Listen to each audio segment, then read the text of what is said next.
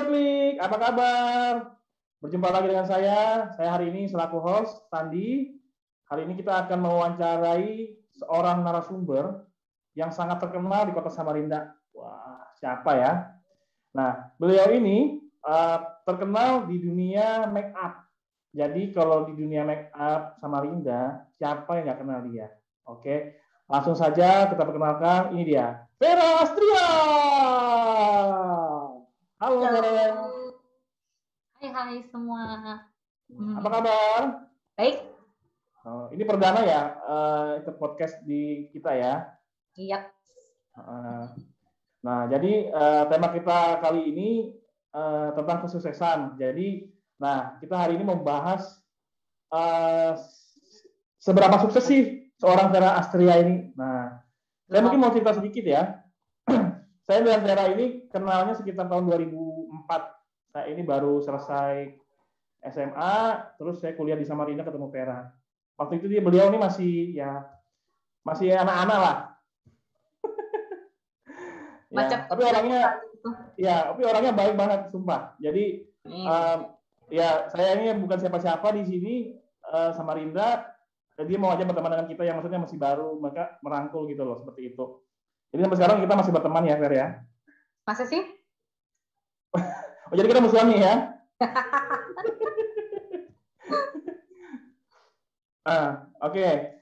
Ah, ini saya, saya, saya sebagai teman juga nggak tahu nih em, kisah perjalanan seorang Vera ini bagaimana. Nah, saya juga dulu sempat mikir ya, kenapa ya Vera ini ambilnya make up artist? Karena waktu itu zaman saya itu 2000-an itu make up artist itu kayaknya apaan sih? Kerja salah maksudnya kayaknya juga nggak bakal besar-besar banget, bisa jaya-jaya banget gitu loh. Tapi ternyata eh, setelah berapa tahun kemudian itu jadi bisnis yang sangat bagus sekali dan sekarang lagi ngetren ya. Nah, makanya saya mau tanya lebih detail sama Vera, kenapa sih memilih menjadi seorang MUA? Oke. Hmm, kalau sebelumnya nama budaya dulu. Kalau dibilang sukses sih masih belum sukses sih, masih meniti karir, masih belum apa-apa lah, masih harus banyak belajar. Terus kalau eh, mau jadi MUA itu kemarin itu karena memang suka sih hobi, suka lihat yang cantik-cantik, terus jadi akhirnya cobain deh jadi MUA. Terus kapan hari itu kan memang masih belum banyak ya MUA MUA MUA muda. Jadi kebanyakan tuh yang makeup pengantin tuh kayak masih sudah lebih lebih Senior ya? ya lebih berpengalaman. Jadi kayak sudah sudah nikah lah. Ibaratnya tuh masih awam lah orang bilang itu belum nikah sudah makeup pengantin itu masih jarang gitu. Tapi ya coba gitu. Pertama kali itu makeup pengantin itu sampai tiga jam saking saking khawatirnya. Maksudnya itu saking pertama kali ya pengantin pertama tuh jadi saking kayak detail banget saking, saking kayak ih mau yang terbaik gitu. Nah kan namanya pengantin pertama kan.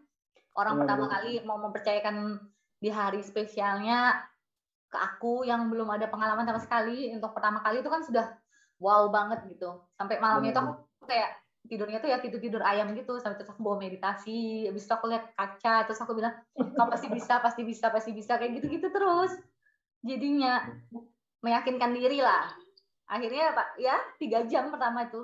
Pengantin pertama untung orangnya aman-aman aja sih walaupun aku make up ini tiga jam.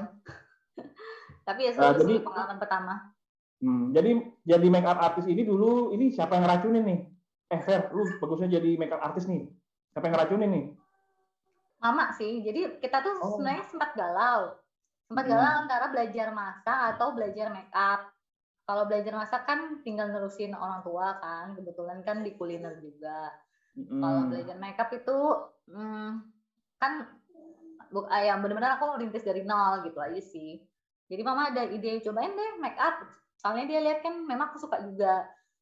Dulu waktu eh, masih sekolah tuh suka make up makeupin Nadia tuh jadi korban jadi di foto-foto terus aku make upin gitu ya asal-asal gitu memang suka gitu nah jadi dia ngeliat sampai "Wah, Nadia tuh ini sekarang bisa coba." make up ya? Mm-mm.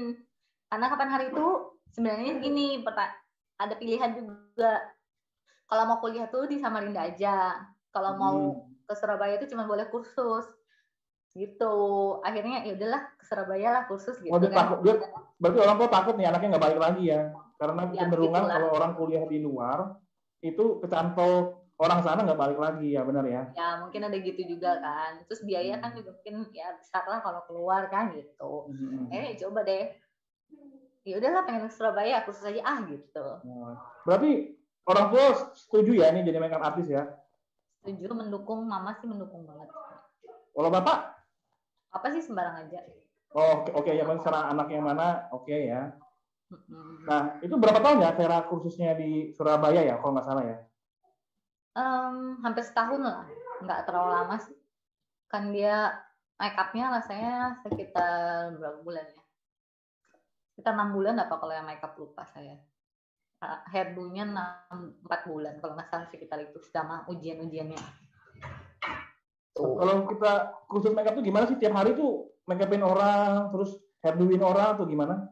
Ya latihan make upin orang. Dari pertama bikin alis dulu, hmm. sampai sampai alis alisnya itu orang tuh ada yang merah saking saking sering ku hapus kan bikin alis salah ku hapus lagi bikin alis salah ku hapus lagi sampai kayak merah alisnya itu. Saking susah. Alis itu kan yang paling susah ya di antara semuanya itu jadi pertama kali bikin alis itu sampai orangnya tuh modelnya itu mungkin kesel kali ya sama aku matanya merah eh apa alisnya itu sampai merah gitu nah terus sampai oh, ya hmm? Gimana? Oh berarti kalau alis itu paling susah ya? Iya, alis itu susah sama mata. Karena menyamakan alis itu ya nggak gampang gitu loh. Ngebingkainya. Jadi ya gitu lah. Awalnya kita disuruh bikin alis aja. Pokoknya bikin alis saja, bikin alis saja. Belum ngapa-ngapain, bikin alis saja dulu. Oh, berarti modelnya di frame-nya di sini, di sini dulu ya?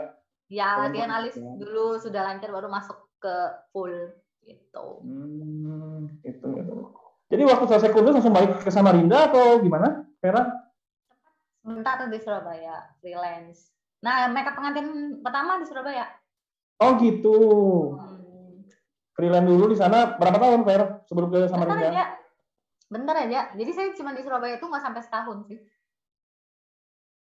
iya iya iya iya ya, jadi nggak sampai setahun balik sudah dipanggil balik kan? Denny kan kuliah. Jadi balik. Nah, nah. Tuh perjalanan waktu khusus juga nggak nggak nggak nggak mulus sih. Bu, uh, apa nggak langsung yang bisa gitu. Saya belajar itu bukan yang langsung kan ada tipe orang yang baru dikasih tahu sebentar tuh sudah langsung bisa. Kalau saya nggak langsung bisa juga. Coba-coba terus sampai sempat dibilangin sama guru, udah kamu nggak usah nggak usah nggak usah make upin orang deh, jualan es kacang aja, udah pulang aja gitu gitu saking saking gitu. bahasanya. Iya, ya, saya ingat ya. betul pernah diomong gitu sama guru saya. Sakit hati sih, tapi ya udahlah, mau gimana. Berarti lu kalau ketemu guru lagi lulus mati tuh balik. Guru udah saya udah sukses nih sama Rinda. Tuh kan? Bukan es kacang bisa sukses jadi MUA. Tapi kan itu jadi satu cambukan untuk menunjukkan kalau kita bisa gitu nah ya kan. Iya. Itulah. Nah, kira-kira nih, pernah nggak sih di tengah jalan Vera ini pengen berhenti jadi MUA, akunya bukan bukan bidangku ini, akunya nggak cocok, ini aku berhenti aja deh. Pernah nggak merasa begitu? Hmm, nggak sampai segitu sih cuman kayak belum all out aja awal itu kan masih belum baru free pas habis balik sini kan um, masih belum ada tempat ya masih freelance freelance gitu masih belum kayak percaya dirinya masih walaupun sudah pegang pengantin tapi percaya diri masih belum terlalu bang apa terbentuk banget kan. Karena kan masih baru merasakan walaupun di kota sendiri. Itu aja Berintis sih tapi ya nggak sampai ya? mm -mm, tapi nggak sampai hmm. kayak kayak ini bukan jalanku tuh enggak tuh. Oh berarti tetap apa ya tetap on the track jalanin ya? Jalanin aja jalanin aja. Tapi memang nggak fokus. Jadinya sambil sempat jadi anu jadi apa namanya itu marketing marketing perumahan tuh sempat juga. Oh. jadi nggak fokus. Iya pernah. Pernah pernah. Jadi kayak marketing eh, apa sih oh. perumahan yang kayak orang-orang jual-jual agent apa sih agent properti ya? ah, ah, ah. nah pernah itu juga. Jadi kayak nggak fokus aja karena ya aduh sambil jalan gitu loh. Yang mana akhirnya hmm. jalan. Habis itu akhirnya uh, mulai jalan mulai jalan make upnya baru lebih difokusin lagi. Gitu. hmm. tempat jualan rumah nggak Vera? Hampir closing tapi belum mungkin kalau closing bisa nggak jadi MUA ya. Bisa jadi ya. Iya, iya. nah waktu dulu kan maksudnya kan nggak seperti sekarang nih. Nah mungkin teman-teman juga ada yang tanya sama saya nih kira-kira uh, seorang Vera Asri ini mengeluarkan modal berapa sih dulu pertama kali untuk bisa jadi bradel begini sekarang? Modalnya sih pertama yang nggak nggak langsung banyak kan. Jadi pelan-pelan sih dari yang beli cuman 8 gaun dulu. Mm-hmm. Gitu. Habis itu baru pelan-pelan tambah tambah tambah tambah tambah gitu. Dulu kan eh, 8 gaun tuh taruhnya tuh di tempat makan itu. Kalau kalian yang pernah datang kan masih cuman kayak etalase kaca gitu terus ada patung terus bajunya juga yang lain digantung di lemari yang biasa aja gitu gitu doang dulu awalnya hmm. eh gue ngikutin sih. Uh, perjalanan dulu maksudnya dulu kan gue lihat memang salonnya masih seiprit tuh. Iya. Ya kan seiprit banget kan. salon, itu bisa dikatakan numpang di depotnya mama kan. Betul. Lemari doang kan. Makeupnya tuh masih dari kamar kamarku. Habis itu pindah ke ruang kurang tamu atas. Belum pakai AC yang di ruang tamu atas. Sampai ada yang makeup pernah bilang ya aku bisa masuk angin fair kalau pakai kipas ya tanya bisa akhirnya pindah ke bawah pakai AC hmm. tapi itu juga di ruang tamu juga. Terus habis itu akhirnya pindah ke depan. Ya pindah pindah pindah pindah pindah. Dari yang dari yang benar-benar uh, nol sampai ya ya itu sampai sekarang sih. Iya. Iya gue ngikutin kan gue bilang. Dari mulai tuh seiprit tuh salon tuh ya. Pindah-pindah sampai depot sama lu tutup. Lu apa ya. semuanya tuh sekarang ya. Iya itu sud iya ya gue ngikutin sekarang sih gue lihat wah kalau banding dulu ya jauh banget ya. Kalau dulu kan kecil tuh agak berantakan ya. Kalau sekarang udah ketata bagus udah rapi ya, udah udah pakai AC semua lagi ya.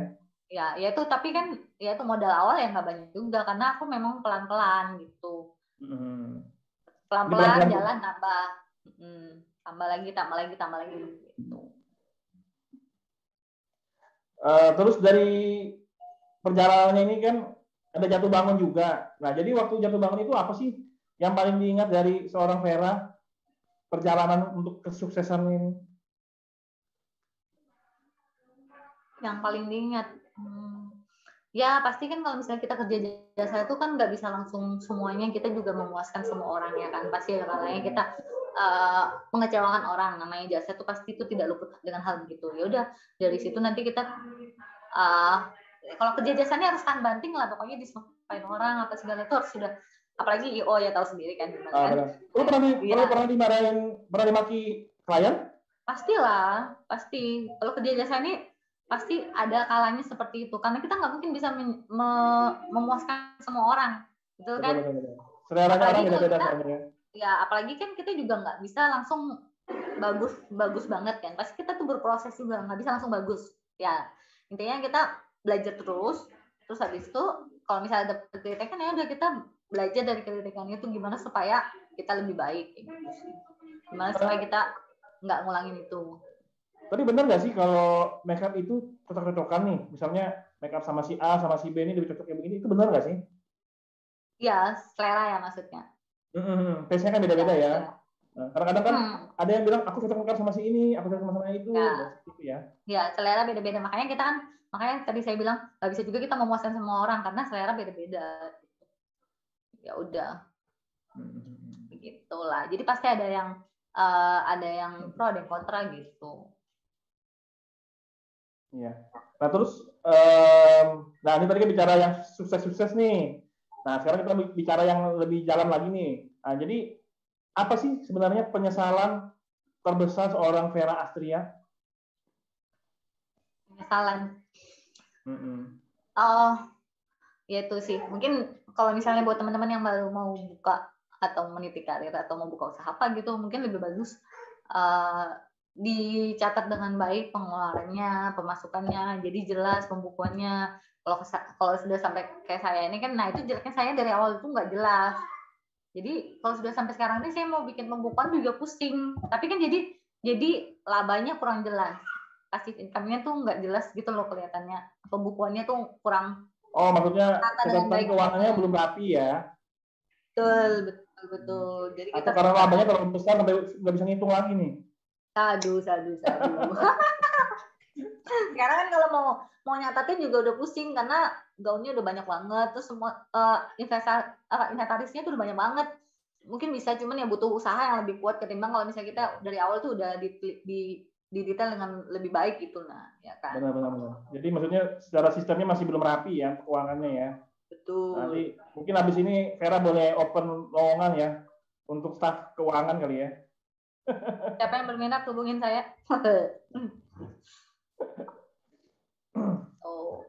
Oke, jadi tadi kita udah bicara penyesalannya ya tadi ya, nggak bisa maintain dari awal ya. Tapi uh, saya lihat sih masih jalan baik aja untuk salonnya maksudnya ya memang sih mungkin bisa apa kurang kurang bisa tahu nih pengeluaran dan pemasukan tapi hmm, untung apa uh, enggak nggak tahu jadinya gitu loh kan iya ya, kan? berarti maksudnya salonnya makin besar aja gitu ya kan berarti ya mungkin ya, untung aja gitu okay ya lah.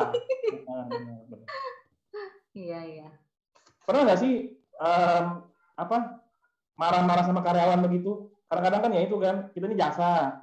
Terus kadang-kadang beda nih kalau yang ngelayanin Vera sama anggota nih. Nah itu kadang-kadang kan bisa dikomplain. Nah kira-kira apa sih yang paling ngeselin nih kejadian selama jadi MUA? Hmm, ya kalau soal karyawan sih pasti pasti ada lah ya kita uh, ada masa yang kita tuh kayak udah nggak sabar gitu ya kan terus marah-marahin itu itu pasti ada masanya begitu. Apalagi kalau misalnya mereka gara-gara mereka akhirnya kita tuh kehilangan job misalnya kayak gitu kan. Ya, misalnya ya, gara-gara ya, mereka ada satu masa tuh mereka kayak ngomong pakai bahasanya mereka gitu kan habis tuh uh, tamunya tersinggung dipikir ngomongin mereka terus akhirnya eh, nggak uh, jadi mau make up sama kita kayak gitu gitulah dan begitu juga. Atau hmm. mereka ngelayanin tuh kayak kurang sopan kayak gitu gitu kayak ya, kurang ya. ramah kurang sepenuh hati. Akhirnya kan yang dirugikan kita juga. Tuh. Jadi bersabar aja ya kuncinya ya. Harus harus di training terus sih memang. Harus di training terus di briefing terus dikasih tahu terus. Begitulah. Pokoknya di pokoknya dikasih tahu terus sampai budek ya. Sorry. Gimana? Maksudnya dikasih dikasih tahu di briefingin dulu sampai budek pokoknya iya sampai ya, bosan juga briefingin ya. sampai bosan gitu. Iya. Nah kira-kira sih apa sih kiat-kiatnya dari Vera nih? Ini kan selaku MUA mungkin bisa kasih ke kita uh, apa motivasi untuk jadi lebih sukses gimana? Um, yang pasti sih kalau misalnya kita mau usaha tuh harus berani sih kalau kayak berani ngambil resiko.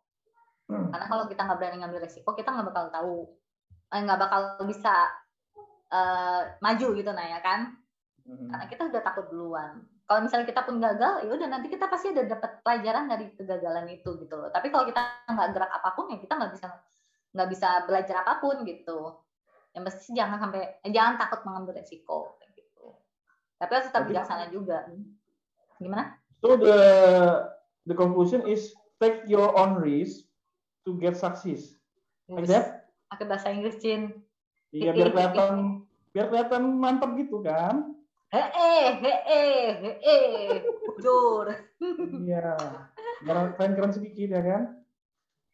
Terus ada lagi kalau misalnya saya pikir-pikir ya, dulu kan waktu waktu muda, oh, waktu muda, kamu tahu sendiri kan saya kan sering ikut juga kegiatan-kegiatan kayak Patria, apa segala gitu kan, uh, ya Rekin, ya Sada. Dari situ nanti dapat dapat misalnya dapat uh, kayak pembelajaran dari Ko Acin, dari Ruce, dari apa, dari dari yang mereka tuh kan kasih kayak belajar organisasi, belajar hmm. motivasi itu tuh sangat-sangat membantu sih kalau menurut saya tuh dari situ sih saya belajar banyak akhirnya kenapa itu bisa jadi sampai sekarang juga. Maksudnya itu yang pembekalan juga sampai sekarang kenapa bisa jadi bisa lebih berani mengambil resiko itu banyak dari organisasi-organisasi yang dulu sering ikut gitu loh. Jadi nggak ada ruginya sih kalau menurut saya ikut kayak organisasi-organisasi tatu di sekolah, tatu di wihara, tatu di mana itu tuh sangat sangat bermanfaat itu loh untuk pengembangan diri kita gitu.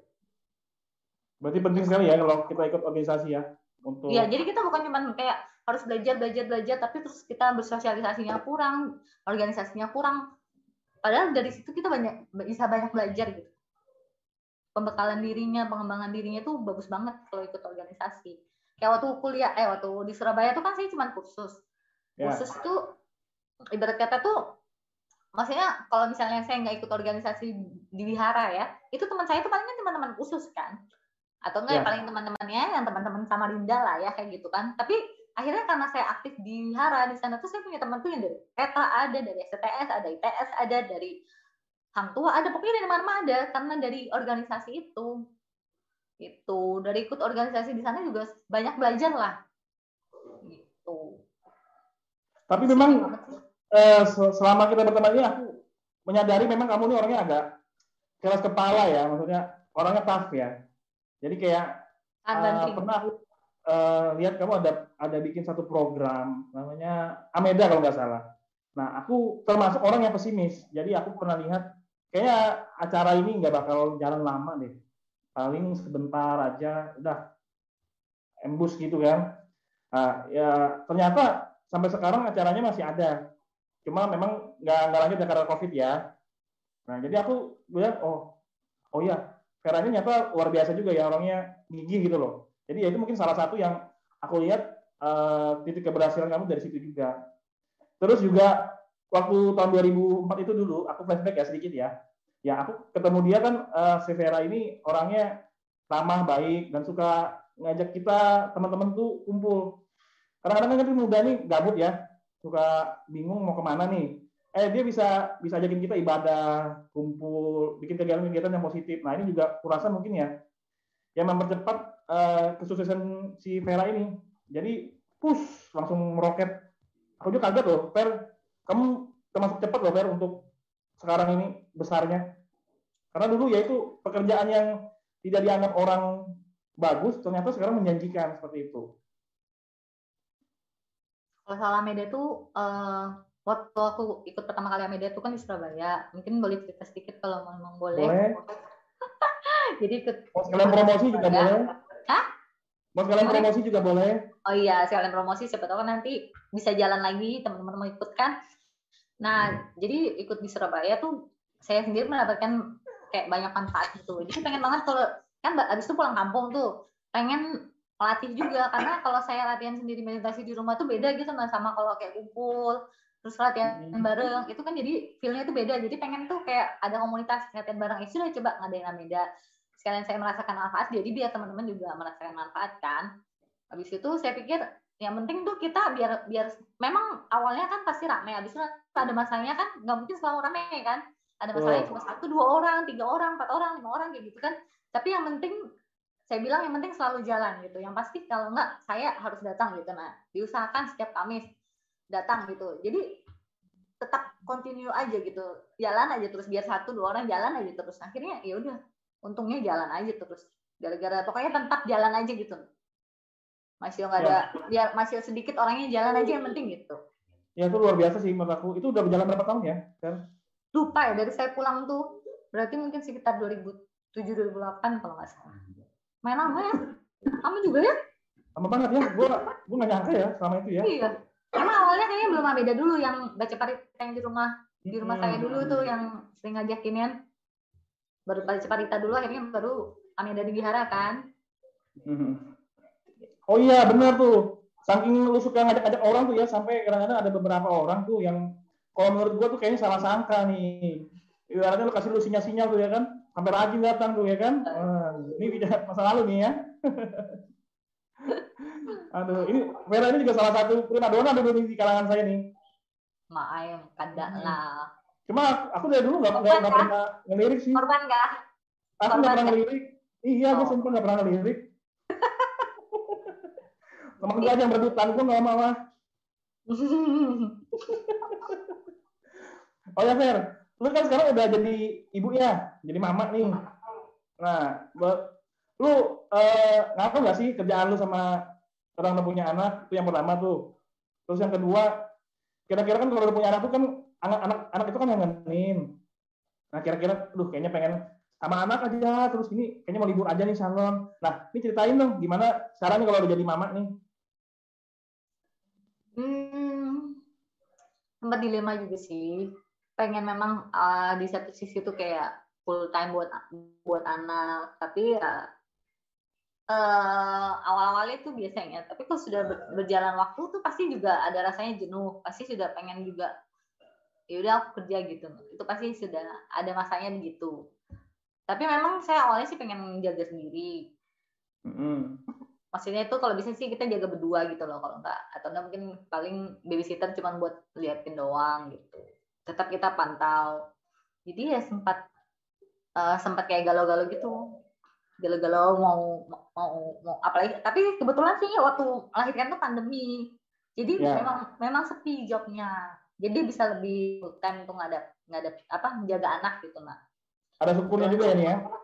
Ya memang tuh kayaknya kenapa mungkin baru di baru dapat anak itu sekarang tuh karena memang ya waktunya yang tepat itu begitu karena kan mau jaga sendiri terus pas pandemi jadi ya udah pas betul kayaknya waktunya sekarang tuh baru bisa dapat gitu. Itulah. Gue jadi gue jadi ingat ya waktu kita ke Balikpapan Fer yang bilang bayi udah dekat. Ternyata benar juga ya. Siapa bilang? Bayinya udah dekat. Dulu kan lu masih program. Uh, hmm. baik bayinya udah dekat, usaha aja terus dibilang. Eh beneran. Yang bilang siapa? Oh, yang bilang siapa? Bante yang di Balikpapan. Oh, iya iya iya iya iya. Iya iya iya. Ya benar juga. Lu tinggal berusaha aja tuh berdua, dia bilang. Oh ya benar. Hmm. Hmm. Begitulah. Jadi agak-agak gini ya, tapi oh iya, ini kan lagi COVID nih. Jadi selama COVID ini gimana? Omset? Pasti terjun bebas. Terjun bebas ya? Hmm. Ini kayaknya semua orang ngalamin ya. Hmm, di semua di semua segmen terjun bebas.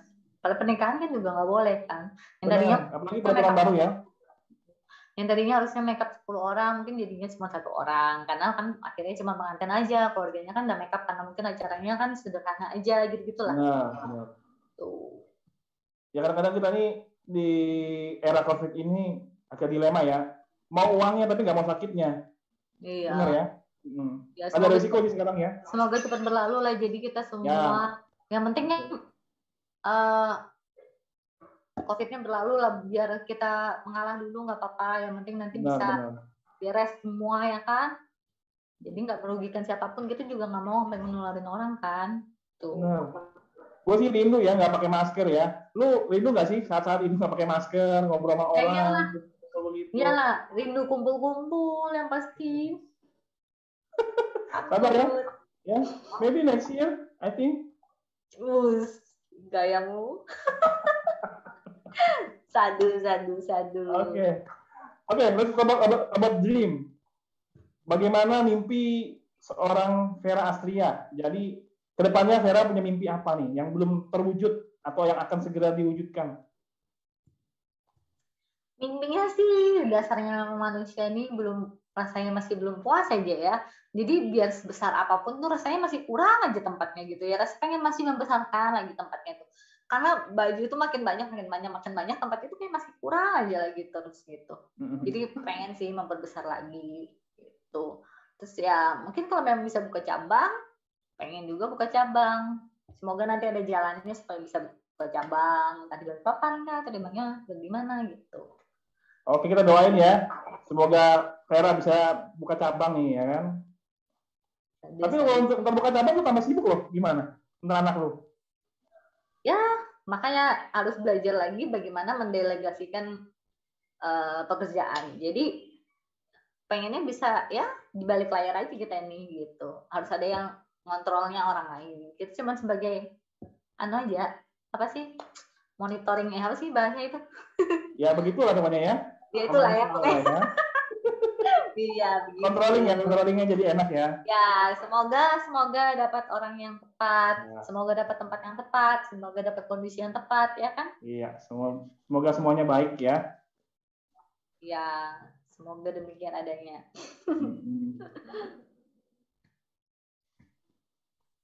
Terus tadi pengen mimpinya buka cabang di luar kota ya. Eh, cerita sedikit. Oke. Okay jadi balik di balik perjalanan saya sampai sekarang ini juga itu ada saudara-saudara saya yang sangat luar biasa mendukung sih kalau menurut saya. Jadi kalau tanpa mereka tuh kayak nggak bisa sampai sekarang hmm. juga gitu loh. Ibarat kata oh, tuh dua orang ini ya. Iya, kan bertiga nih. Jadi ini otaknya kan beda-beda nih. Jadi itu kayak saling melengkapi gitu kalau menurut saya. Jadi kalau hmm. saya sendiri aja itu juga nggak bisa sampai sekarang. Jadi karena bertiga ini jadi saling saling mendukung. Misalnya saya kurangnya apa nanti satunya bisa masuk ke situ ya. satu kurang apa. Mm -mm, jadi saling melengkapi. Ya adik-adik saya itu sangat berperan penting. Jadi kayak klub gitu loh karena ada mereka juga. Kalau nggak ada mereka ya nggak bisa juga. Adik lu kan satu Nadia tuh jadi MUA juga tuh. Tuh gimana ceritanya tuh dia bisa ada ini.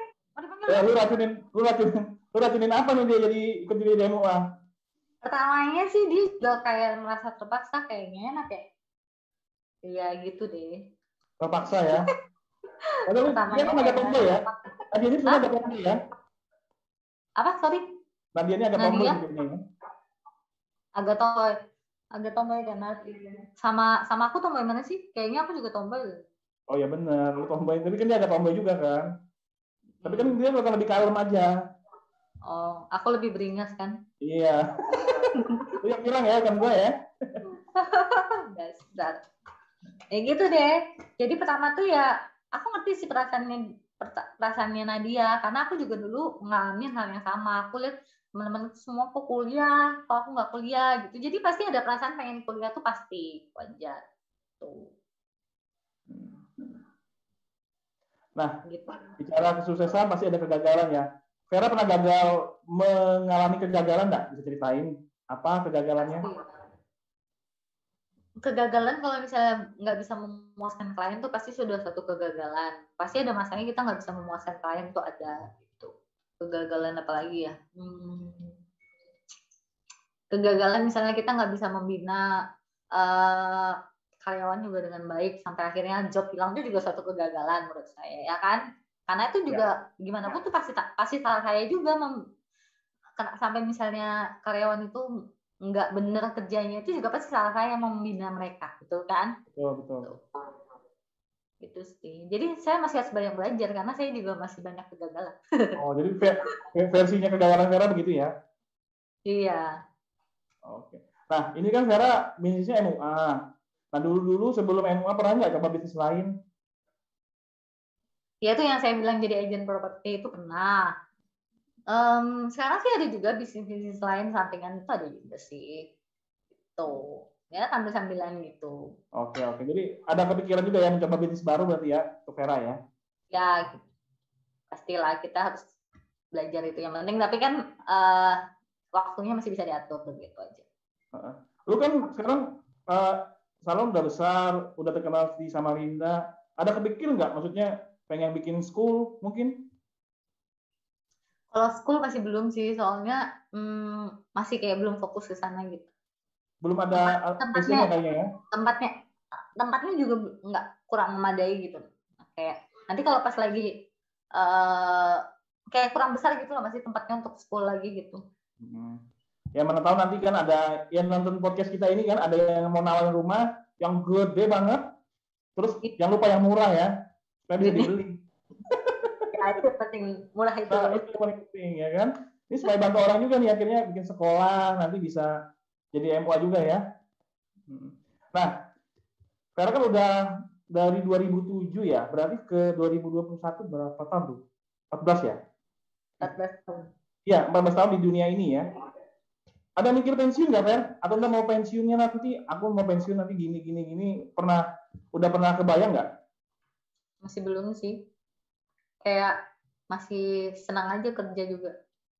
Senang ya, Soalnya ya? kan memang passionnya jadi kayak apalagi kalau misalnya kita udah kerja terus kayak klien tuh puas terus kayak ada kepuasan tersendiri karena kita senang juga kan hobi benar benar ini hobi yang jadi duit ya ya jadi uh, kalau misalnya kita ngerjain hobi itu kan pasti walaupun walaupun mungkin duitnya juga nggak seberapa kita pasti kan lebih happy gitu apalagi kalau misalnya kita ngerjain terus uh, ke, ada ke, apa kliennya puas pasti ada kepuasan tersendiri yang lebih kayak gimana gitu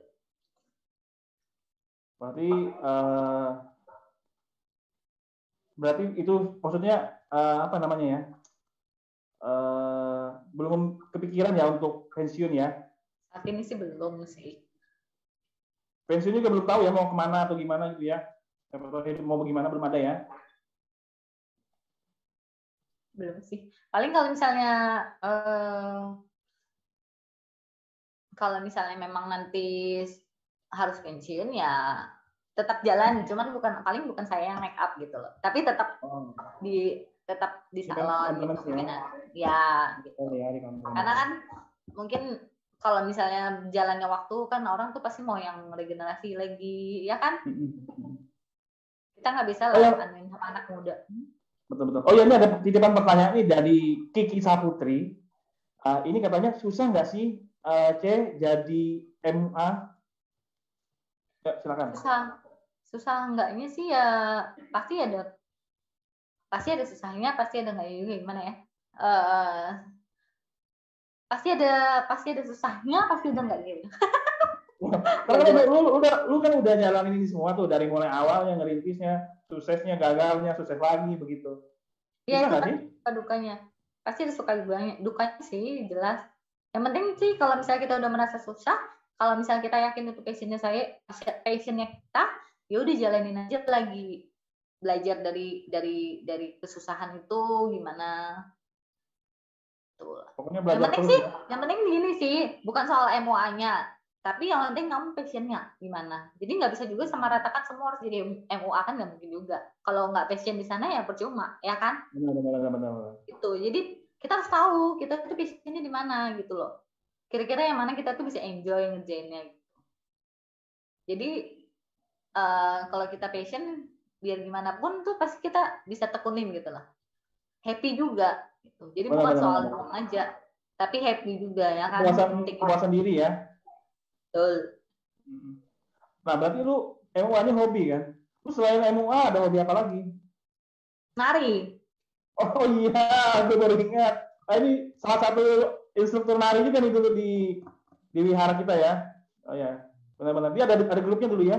Apa nama grup dulu ya? Grup nari. Ada dulu. namanya. Oh nggak ada namanya ya, sama teman-teman ya. Oh ya ini sekedar informasi ya. Vera ini juga uh, apa namanya? Hebat ya dalam menari koreograf koreografi ya namanya. Koreografinya bagus. Nah, itu, itu.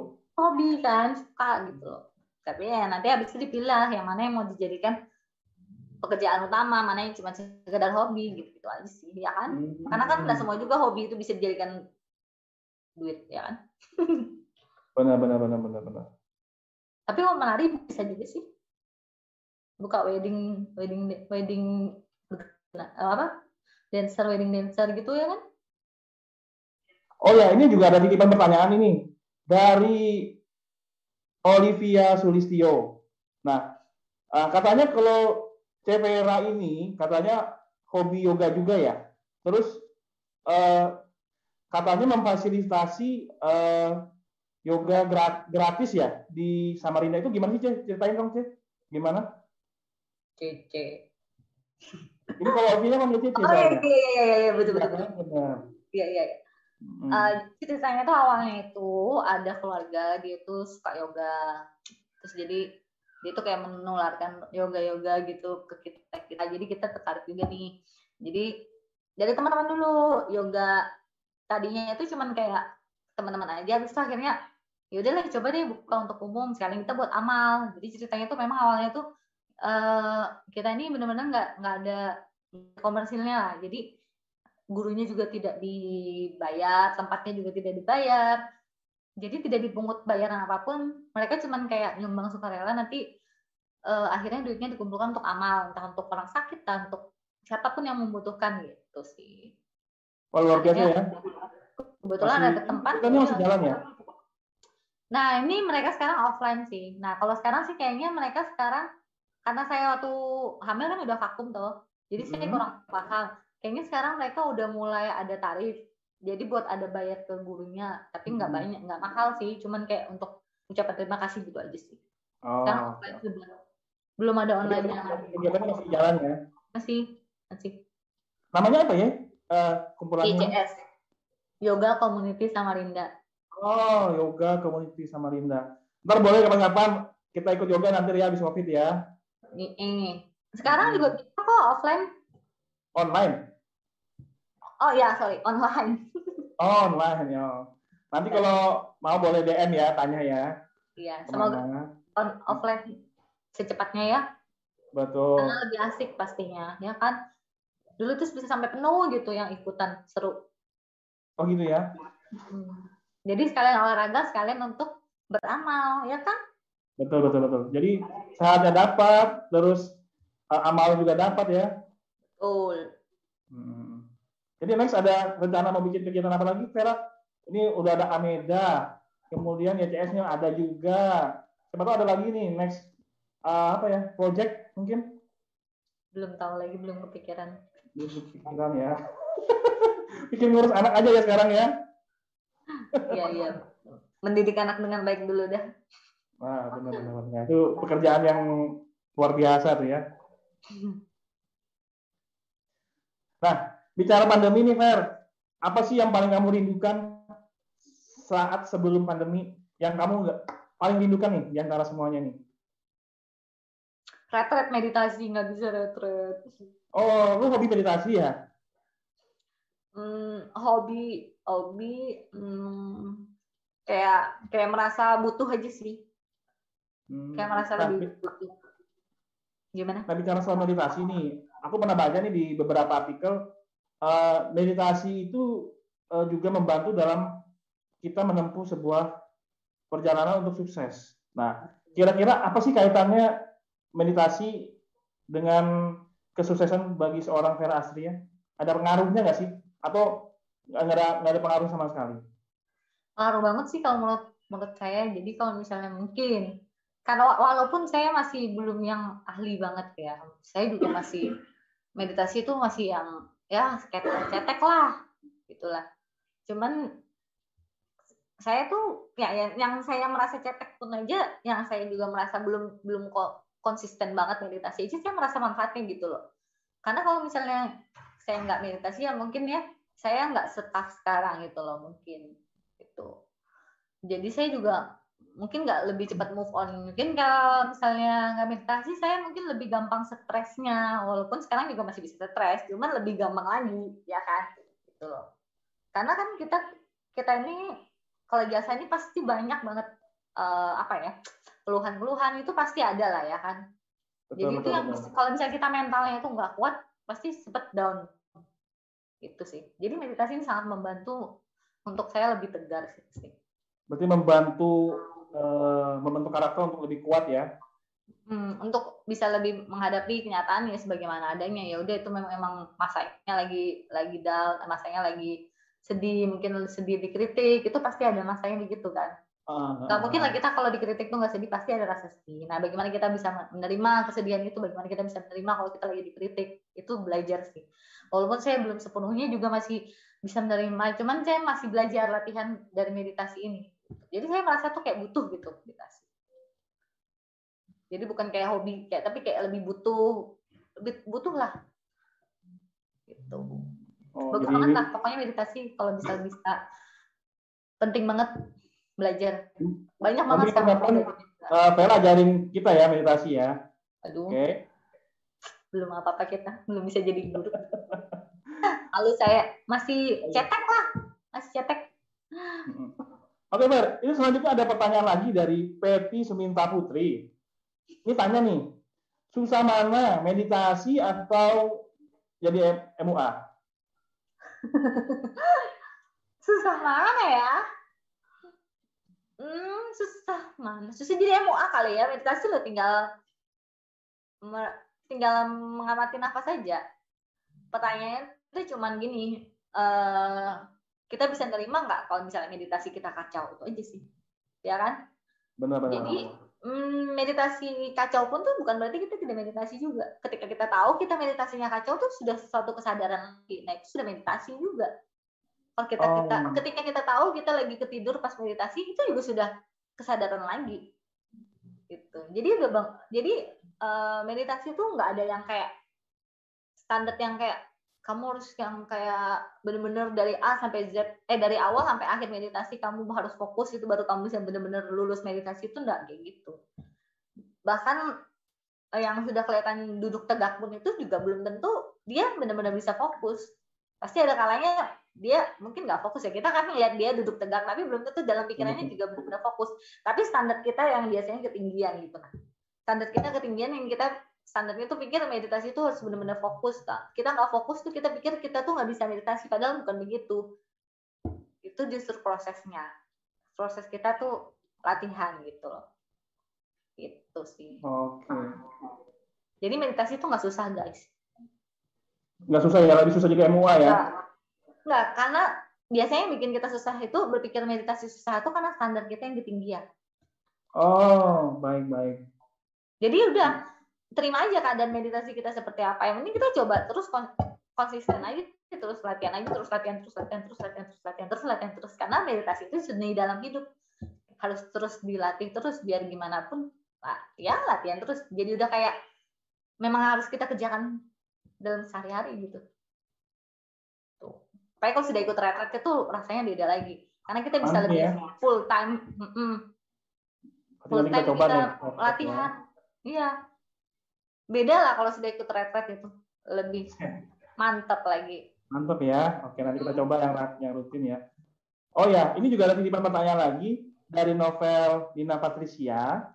Nah uh, dia tanya nih uh, di mana sih titik terendahnya seorang Vera Astria?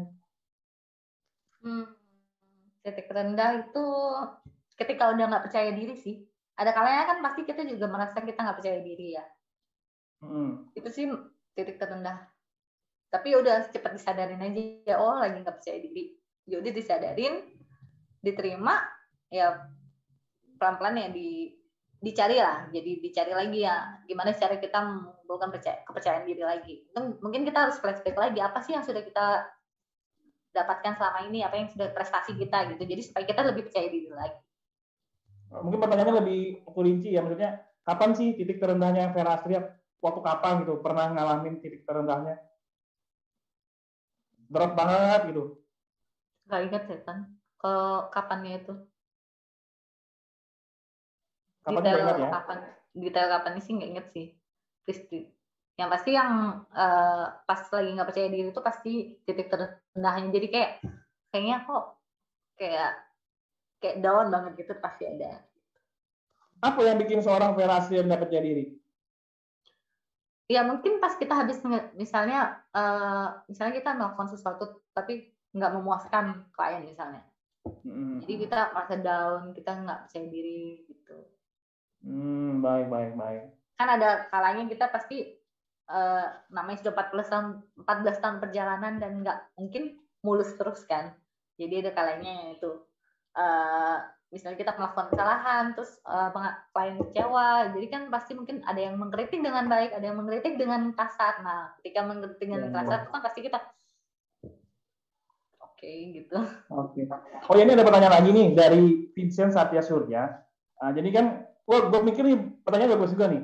Soalnya kan uh, kalau kayak makanan itu kan brand ya. Nah kalau MUA sendiri kan brandnya kan dari Vera sendiri ya. Nah kira-kira bagaimana sih uh, Vera ini menampilkan brand yang sekarang ini apakah make up tiap hari atau uh, bagaimana supaya uh, bisa tetap eksis nih di dunia MUA? Kalau untuk tetap eksis sih belajar terus sih ya. Jadi harus terus update ilmu. Karena kan dunia MUA ini ya perkembangannya sangat-sangat pesat kan. Kalau yeah. kita nggak update ini udah kayak ketinggalan ya gitu. Anak muda juga. Apalagi sekarang kan MUA kayak kacang goreng kan jadi udah kayak banyak banget. Jadi kita harus kayak terus update. Sekarang lagi ngetren apa sih gitu? Nah harus tetap ngikutin. Kayak gitu sih. Oh begitu. Kan, jadi kan, jadi kan kalau untuk make, kan makeup artist nih Fer. Tiap hari kan harus jadi harus jadi harus makeup yang cetar-cetar mulu gitu supaya jadi orang ini makeup MUA-nya mungkin cantik. Jadi oh ini pasti bagus. Gimana? Apakah lu nampilin image kayak gitu ya kalau nilai plusnya sebenarnya sih bagusnya begitu kali ya. Jadi saya uh, ibaratnya kayak orang lihat kamu tuh MUA, jadi lihat hasil karya tuh di muka langsung gitu nah ya kan. Tapi kebetulan aku kalau aku sih kayak malas gitu. jadi kayak capek udah mungkin capek udah untuk mau dan bisnis itu udah capek. Cuman kalau memang bisa sih lebih bagus sih. Tapi lu sekarang dandan nggak sih? Enggak. Oh, ini nggak dandan ya? Oh, gitu. Berarti lu nggak terlalu suka terlalu make up ya? Uh, suka aja, cuman udah terlalu lelah gitu. Apa itu sudah punya anak tambahnya hmm. lagi, Bang. Dulu sebelum punya oh. anak aja udah lelah. Jadi misalnya ini Tan, make up pengantin jam 2 subuh. Betul. Aku, aku kalau misalnya mau dandan sendiri aku harus bangun mungkin paling nggak jam satu kan. Iya kan? Untuk dulu kan anu ya. rambut, anu make up, bla bla bla bla bla jadi kalau kalau aku sih nggak sanggup sih. Jadi aku mending nggak usah aja dulu itu kan kalau misalnya pas kita kena kaca eh kena lampu kan supaya nggak ngeflag itu aja sih. Berarti benar ya orang bilang ya kalau cantik itu capek ya. Bukan mahal ya capek walaupun didadenin orang juga capek ya duduk ya. Benar. Duduk capek benar. juga loh. Benar. iya. Gitu. Jadi cari yang ringkas aja nih sulam alis. Jadi kan begitu bangun udah bagus alisnya. Ya udah. Nggak perlu diutak atik lagi gitu. Rambut lagi lepek pakai topi aja udah gitu aja. Nah ini pertanyaan lagi nih. Dari dari Rizka. Nah ini tanya nih. Apa sih hal terunik terkonyol atau terlucu yang pernah dialamin selama jadi MUA nih yang kocak banget apa ya hal terkonyol terlucu selama kita perjalanan jadi MUA ya? Ini tanya teman nih kayaknya. Mau pilihannya apa? Fifty-fifty? As audience? Tolong Nat, bantu Cici jawab. Lupa ya? Apa ya? Harus diingat-ingat dulu. Jangan-jangan nggak ada yang lucu nih. Semuanya tegang banget mulu nih. Hmm. Hmm, hmm, hmm, hmm, hmm. Lupa ya, Tan. Nanti coba. Berarti PR ya nih ya. Nanti DM aja nih yang namanya Rizka, nanti gue kasih kontaknya ya. Lu balas ke dia. Apa ya? Nggak ingat ya? Nggak di sleepin sih kemarin kayaknya, jadi ingat dulu gitu. Ini ada yang bilang klien tertukar. Nah? Klien tertukar oh, katanya. Iya. Paling ini, misalnya kan, jadi pengantin kan ada beberapa nih waktu di salon. Benar. Terus datanglah, datanglah videografer. Videografer ini kan nggak nanya-nanya nih yang mana pengantennya syuting lah dia syuting. Berasa pede kan itu pengantennya dia. Udah sampai selesai baru dia tahu eh ini bukan pengantennya baru pengantennya nyari mana nih videografer tuh yang satunya ya. Astaga ya, ternyata itu salah rekam. Ya itu aja sih paling. Nggak lucu ya kalau aku yang cerita ya kayaknya tak aku yang cerita baru lucu tak nah, itu ada maskotnya tuh di belakang tuh yang lucu ini yang lucu nih oh bisa begitu ya ketukar ya? Iya, jadi dia nggak nanya dulu pengantinnya itu yang mana, asal syuting aja. Sudah selesai baru dia tak baru dia tahu ternyata itu yang disyuting bukan pengantin yang doeng gitu ya kan. Itu sih yang aku ingat, belum ingat lagi yang lain. Apa ya? Hmm, oh cerita satu tips lagi mungkin ya. Okay. Jadi kayak kapan hari itu kan ada satu kafe di Samarinda yang udah tutup sih sekarang. Jadi dia tuh kayak Fer bisa nggak sih kamu make upin Halloween? Jadi saat itu sebenarnya aku nggak pernah coba ya kan?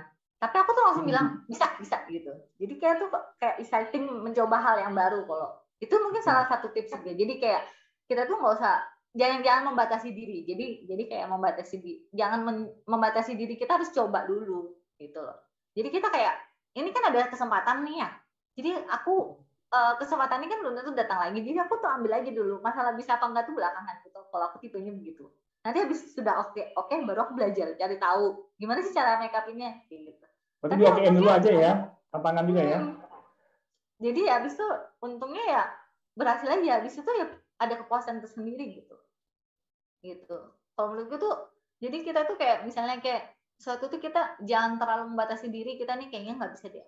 Kita padahal belum coba dulu gitu loh belum cari hmm. tahu bisa apa enggak gitu gitu. Benar benar benar. Harus Jadi coba jangan batasi diri lah ya, ya berani. ah benar. Ya, tadi yang bilang ya mengambil resiko tadi ya. Mm -mm, mm -mm.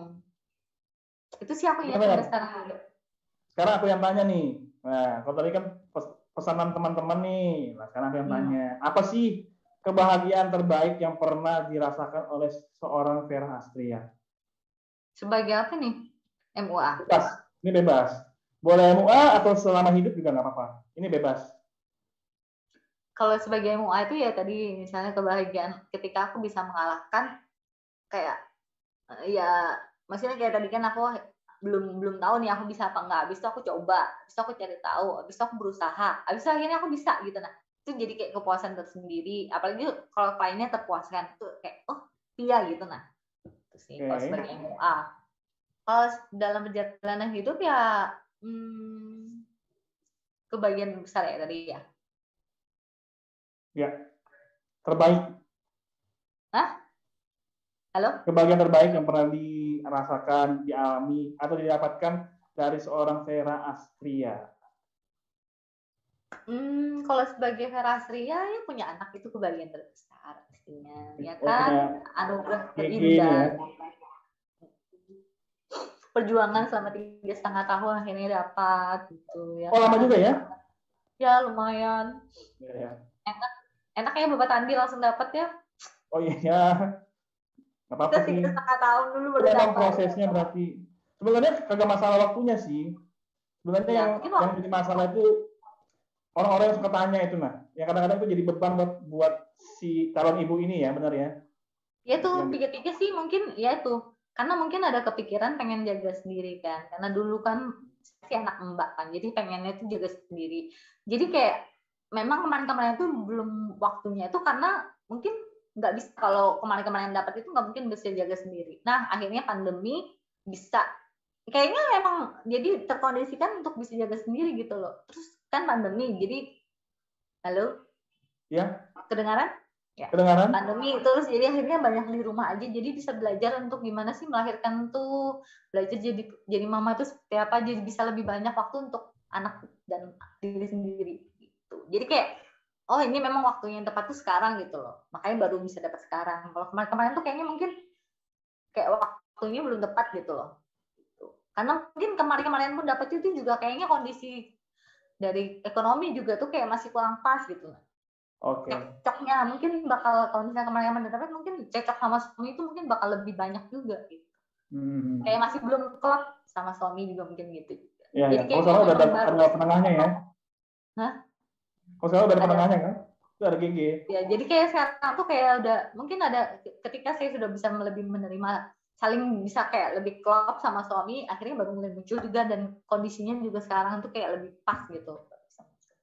Berarti tagnya ini kebahagiaan saat pandemi.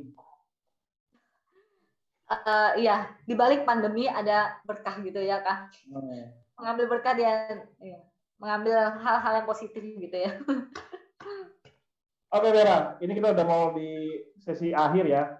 Uh, mungkin kita mau dengar closing statement dari Vera tentang kesuksesan dan motivasinya uh, ke kita supaya bisa sukses juga seperti Vera. Entah di MUA, entah di lini bisnis yang lain. Ya. Hmm, kalau bicara kesuksesan sih, saya juga masih perlu banyak belajar seperti yang tadi saya bilang. Yang penting sih kita coba berusaha sebaik mungkin, terus jangan pantang menyerah, coba terus, uh, berani mengambil resiko, hmm, harus berani mencoba juga sih. Karena kalau nggak ada langkah pertama, nggak akan ada langkah ke seribu. Gitu sih paling kurang panjang. Ya, cukup. Mau dipanjangin mau seberapa panjang nih? Ntar dua episode kita. Cukup kali ya. Kemarin ya. tadi kan di depan-depan udah ada lah visi-visinya.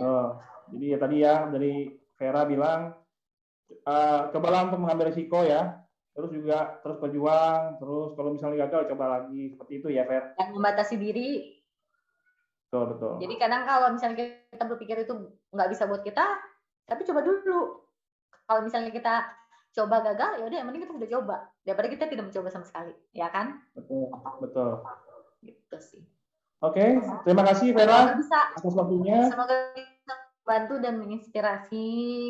Semoga bisa bermanfaat. Ya. Semoga bisa memotivasi dan menjadi inspirasi bagi teman-teman yang menonton acara ini. Oke, terima kasih Vera sekali lagi. Oke, sobat klik itu dia uh, pembicaraan kita bersama narasumber kita yang luar biasa, yaitu MUA yang terkenal di Kota Samarinda. Uh, sampai jumpa di episode kita selanjutnya. Oke, sampai jumpa.